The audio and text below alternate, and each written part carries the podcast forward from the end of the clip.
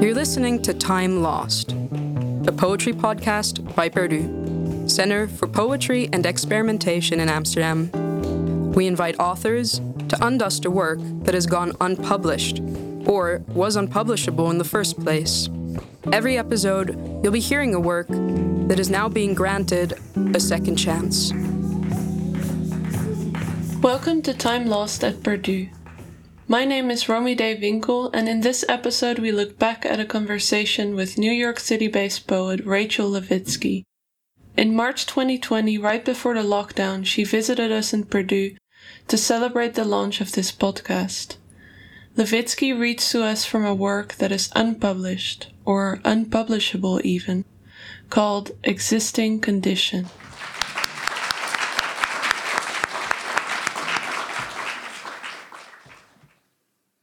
Who did I offend today? I thought I'd tell you about being angry at you, like fuck you for not believing in love, for trying to sculpt a perfect keepsake out from ours, what you call and I call deep connection, dismissing current love in favor of something unknown projected as your future perfect. I call my mother from famous Montclair, New Jersey, where Ariel and I found Ariel's parents in order to celebrate their Father's Day. I decided on the spot to join them when invited. I st- stated to Ariel that it was the new open me who was spontaneous and would get love this way because I was now this way. Ariel is also the name of my therapist, who's also Jewish but first generation refugee, having to flee as bullied, fey, gay in Israel before pinkwash strategy. Ariel, my young friend who grew up Jewish in Montclair, is a small framed butch trans lesbian, just now 34. They're 38 now. Their mother, a Polish Holocaust refugee like mine, but mine is German and came from Germany too, and Dan's mother, and your father. California Jewish. You and he in Salzburg, Austria, twice, calls from there, less the second trip. You were making the distance and said you were suffering, but not because of you, meaning me. When I first met them, Ariel, the pronoun they used was still she. Ariel's parents, who are so different from mine in supporting their child, still say she. Ariel is adoring of them. There too is a dead brother and a tree. It feels wrong and not particularly poetic to move out of here without acknowledging that Ariel's dead brother died as a child and my brother died when he was 55 and had drunk a lot and done a lot of drugs and hit a lot of people and played a lot of guitar. I spoke of my dead brother and father out loud to Ariel's parents while we waited for a three dog friendly table, motivating myself to call my mother. My mother said, Don't be angry. We both laughed when I made the joke about her living more comfortably with the fact of having feelings for her next 80 years. I was surprised to hear my mother talk about her depression. I was mad at you all day. I left New Jersey fretful of traffic and falling into it, trying to make an appointment for my funny leg.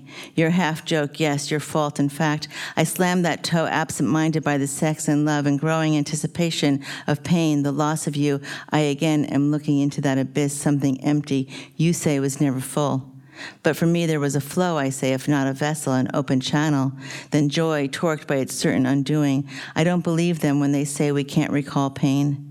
Memories of pain disorient pleasure. We all wake like this, suspicious that despite the persist- persistent beauty of the world, it is truly more precarious than ever, in my opinion.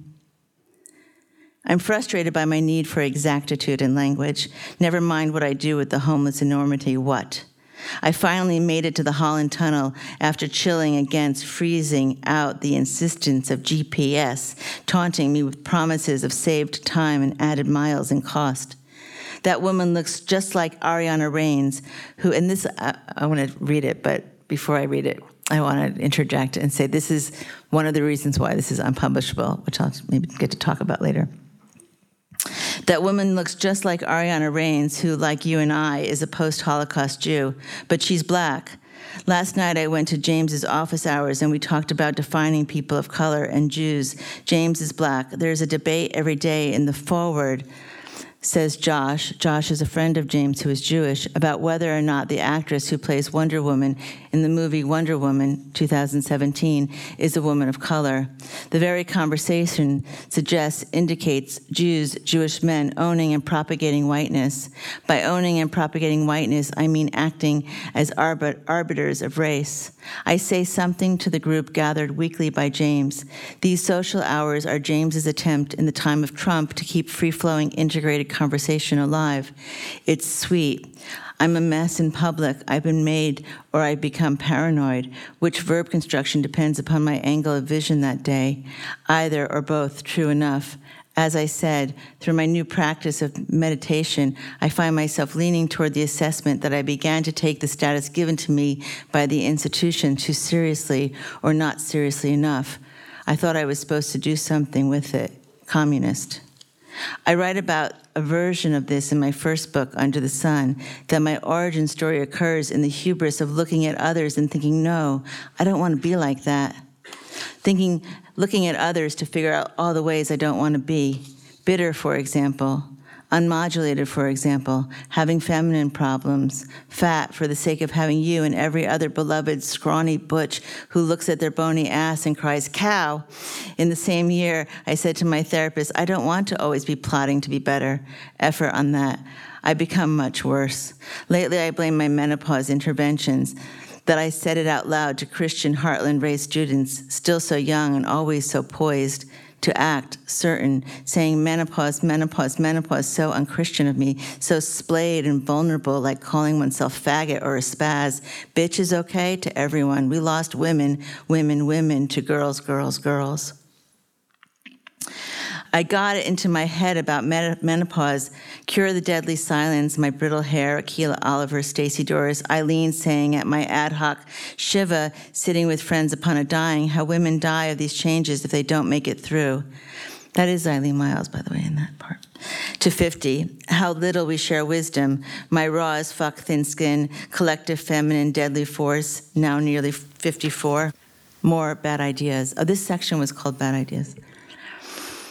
1970s feminism, feeling now reduced to anonymous women naming known abusers whatever that means. I could name a few. Alan Watts is cartoonish. Who'd ever fall in love with a woman whose body is a straight line? I would. But I laughed, needing relief, my menopause leakage sad against all bright open pathways, WW's smart warning to keep oneself contained, or having had become expert at what she as a black woman, sort of queer but married to a man, knew it must be done to be, to be successful. My hubris gleaned via breaking the rules and winning. A small man praising me, you're not Oedipus with authority, a lot of good. I asked Nurit, Argentinian poet, if she were a lesbian because her El Logico de los Accidents, logic of the accidents, seemed that kind of lesbian sad to me. She looked horrified and acted agra, Latin X word for butch, in response, also interested why. Later, I asked her if she were a feminist, and she had that hesitant response, not wanting to be confused with feminists, particularly lesbian feminists like me who hate straight white men. Don't worry, I said. They will be fine without me liking them. I got it into my head that he, a straight man, and I were an invincible combo, could get special communist pass out from the institution, believing him, as I never believed my father, that he was me, with me, nice to me.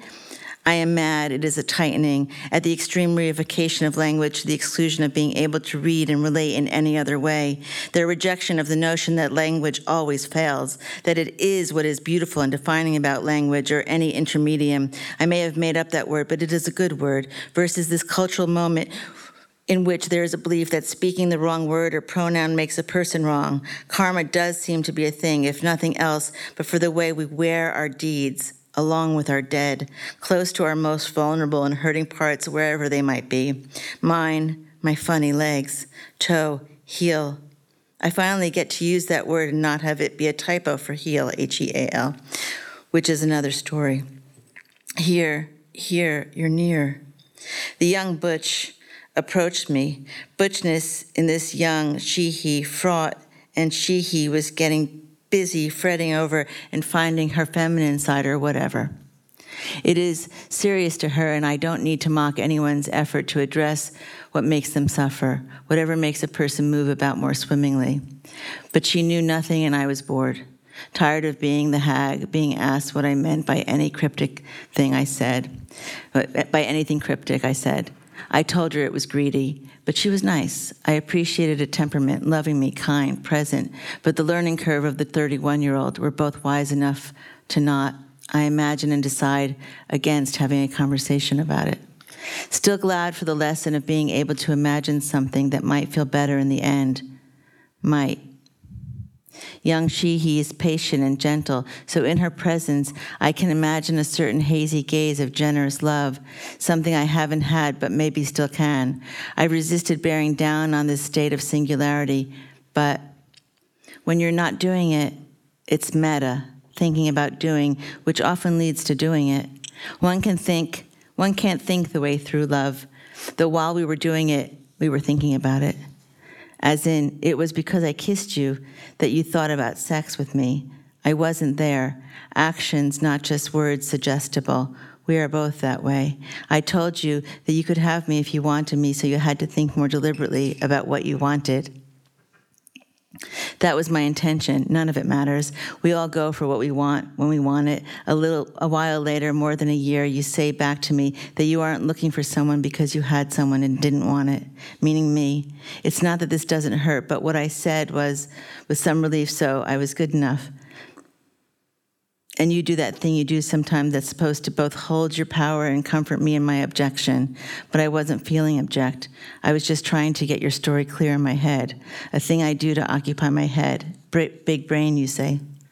Our short story, what you call finite and perfect, and I think eternal and still unknown. Jack Collom has died, and my right leg spasms. I'm not mad at either of us today. I miss the feeling I had with you of quiet with another as I could be by myself.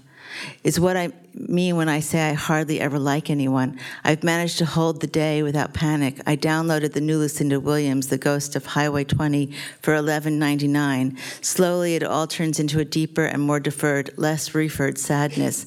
I don't need to know how you think or feel. Did I squander good fortune?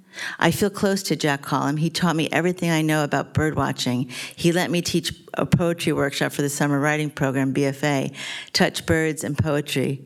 And both Akilah and I were crazy for Jenny. I hope she's okay.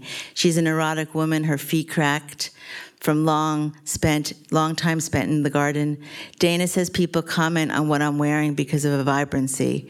Perhaps why Lauren, who so clearly judged me while coming toward me, came toward me anyway. Both you and she would say things like lovely to me. That word makes me crazy. You say something about trying to give a woman a compliment. You knew I'd be a deep lover, said, Let's go to your bedroom. After my minute of, of, thought about the risk, more likely 15 to 30 seconds, I said yes. We did it, for the record, yes, knowingly, walking into the accident. Not exactly as you thought. It was softer and not on the couch as you planned, but it was close enough. You got to leave your damage for those hours before getting up at 2 a.m. to go feed the cat. And I felt crystalline. I felt very good many times after sex, a little like that, but never quite like that. I'd also ejaculated for the first time, and maybe that's why. I've wondered if it was you or menopause, and it's both. I mean, I knew I'd ejaculate because it started happening spontaneously on menopause. Menopause is like an addiction one has no control over, but I guess that's the point of addiction is that you have no control. Clearly, they lie about our wetness. I am more than dripping into this other way of being, seeing things as they as being as they are, but st- still such a beginner. I'm mad at myself for being hungover. It's sleepy confusion, bad digestion. Just a few months ago, Passover, you said Jews were fat and unhealthy because they eat because they eat things like noodle cooking, noodle kugel. While I told you I was about to make the noodle kugel. From a long while ago, I've been trying to tell you about Father's Day. Yes, the anger in the Holland Tunnel, knowing as I do, know when you are near, and in thinking about it, that you were thinking of me, and look down to see a text from you. What did it say? Where are you? In a tunnel.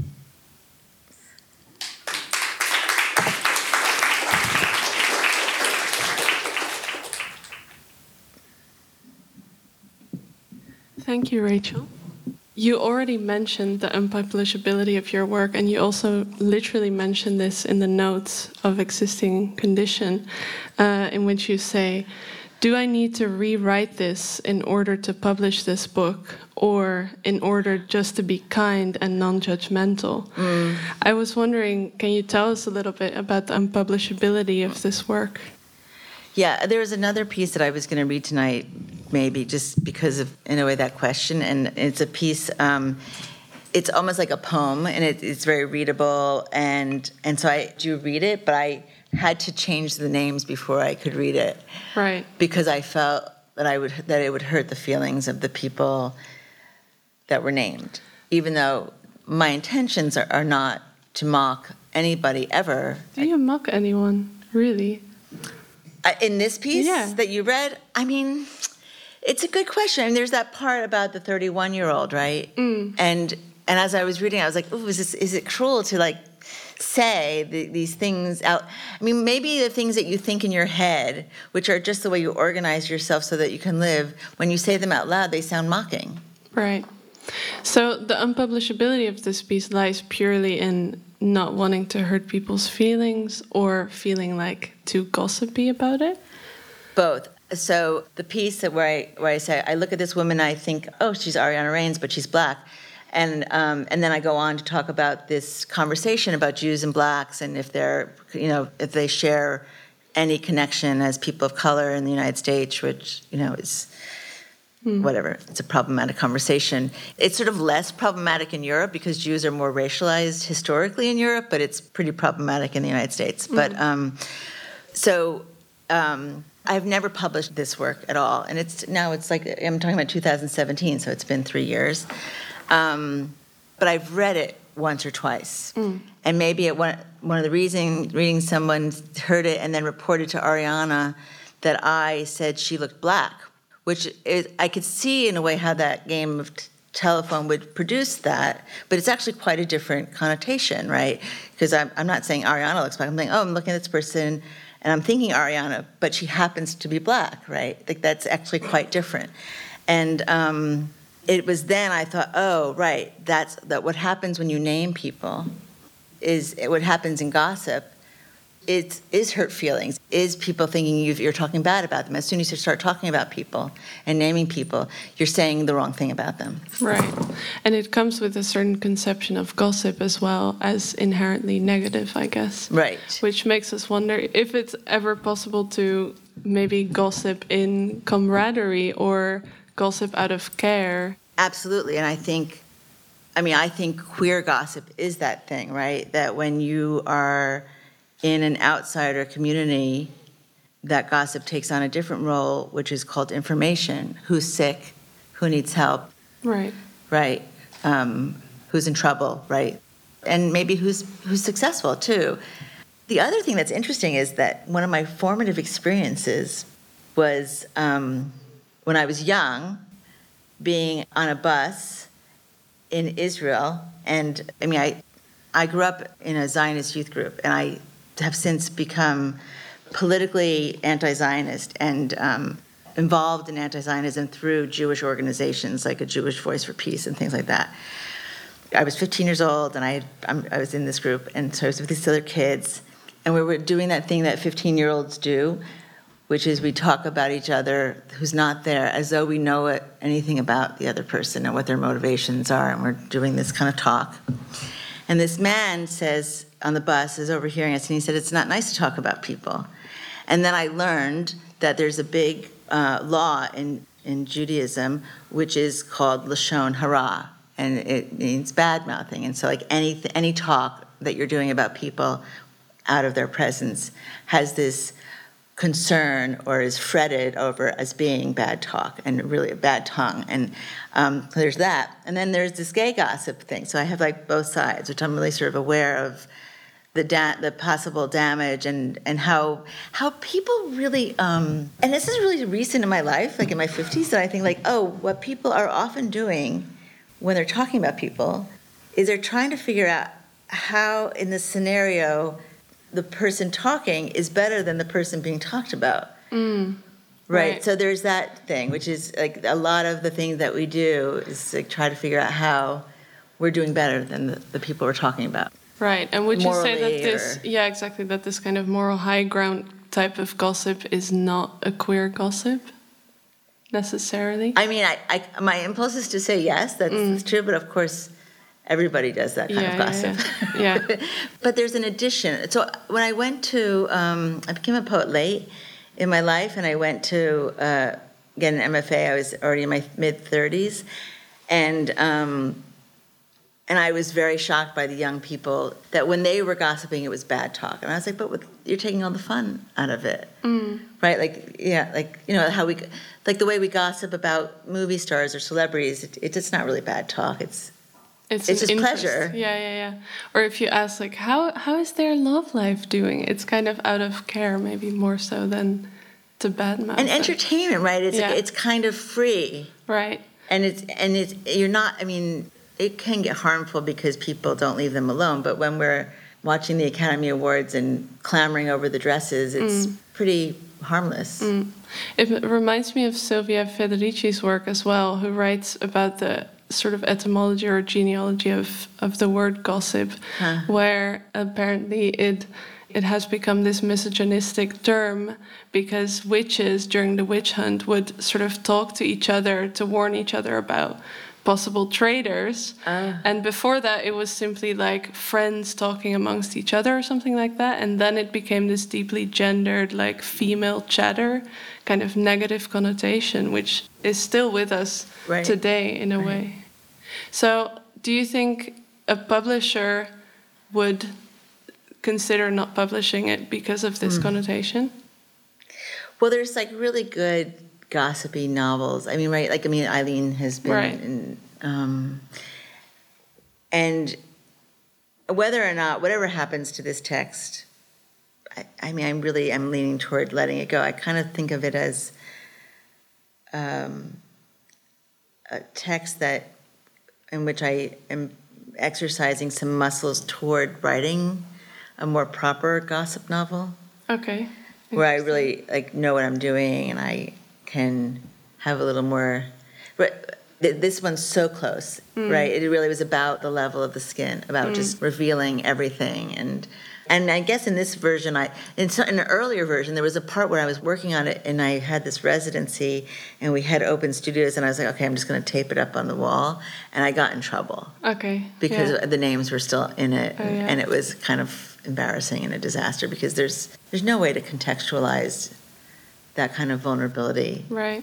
Um, as to a publisher, I mean, publish because I am in this small press world. It's such a um, a complicated question. It depends on the person. If it, mm, I have no idea, I, I think probably anything is publishable.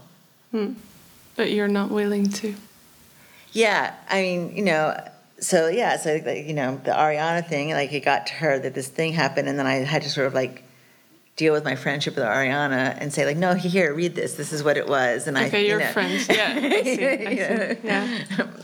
So there's this cultural moment that you describe as um, a cultural moment of holding a belief that speaking the wrong word or pronoun makes a person wrong. Does does this influence your writing? That's a really good question. Um, and I think that that's probably part of the process as well. So, in my world of writing, there's been a challenge to the abstraction, the emphasis on abstraction of the 70s and 80s and 90s, and uh, pressure to sort of show up uh, more autobiographically, I would say, and more, um, yeah, account and more with more accountability. Okay. Um, and I'm not uninterested in that. I, I don't I don't fully reject that at all. And I, I don't fully reject it and I don't fully embrace the abandonment of abstraction because I think I think that abstraction is interesting in and of itself for a lot of reasons, and I think it's interesting in terms of making objects and plasticity. Um, and I think it's interesting in terms of talking about large structures beyond the self and thinking about things like where we are historically. I actually think abstraction is good for all those things. So I have a I have some value to abstraction. Um, but but it is important to show up as uh, who you are and what your subject position is in a time of reassessment of power and privilege. And I agree with that as well. But parsing that out, like when a, when there's a movement and you've been, you know, like one of the things I said in, a, in the workshop that I gave yesterday or the day, I think it was yesterday, I was in Brussels giving a workshop, is that it, um, on subject position and finding language is, and I talk about it in this piece, like women, women, women, girls, girls, girls, right? That I've, um, in my time, I've seen so many differences in the use of language that that I have some. Um, I have to sort of choose what I really feel is mine and I want, and what changes because it's, the change is interesting mm. and important. So, for example, I came out as a lesbian in 1983 or 1984, and lesbian was something in that moment, and um, and it changes, and um, I found myself sharing a a house like a, a beach situation with a bunch of queers, and um, one person said to me. Uh, lesbian means women identified women who sleep with women identified women. And I thought, that's not how I think of it, right? Like, that was never, um, I mean, I'm not against that definition, like, it, mm. but it seemed, I mean, like, I get to sleep with whoever I want and call myself a lesbian. In, in my understanding, that that's it was it had more to do with community. It had more to do with um, and I, it was like an identity. Like just because I'm Jewish doesn't mean that I have any association with God or anything that it, it, felt, it felt like something on more like a deeper level, and my it, it felt like being part of a lesbian community. Like it just I just had a whole bunch of other values or registers of what made me a lesbian than than this other thing. I was like, okay.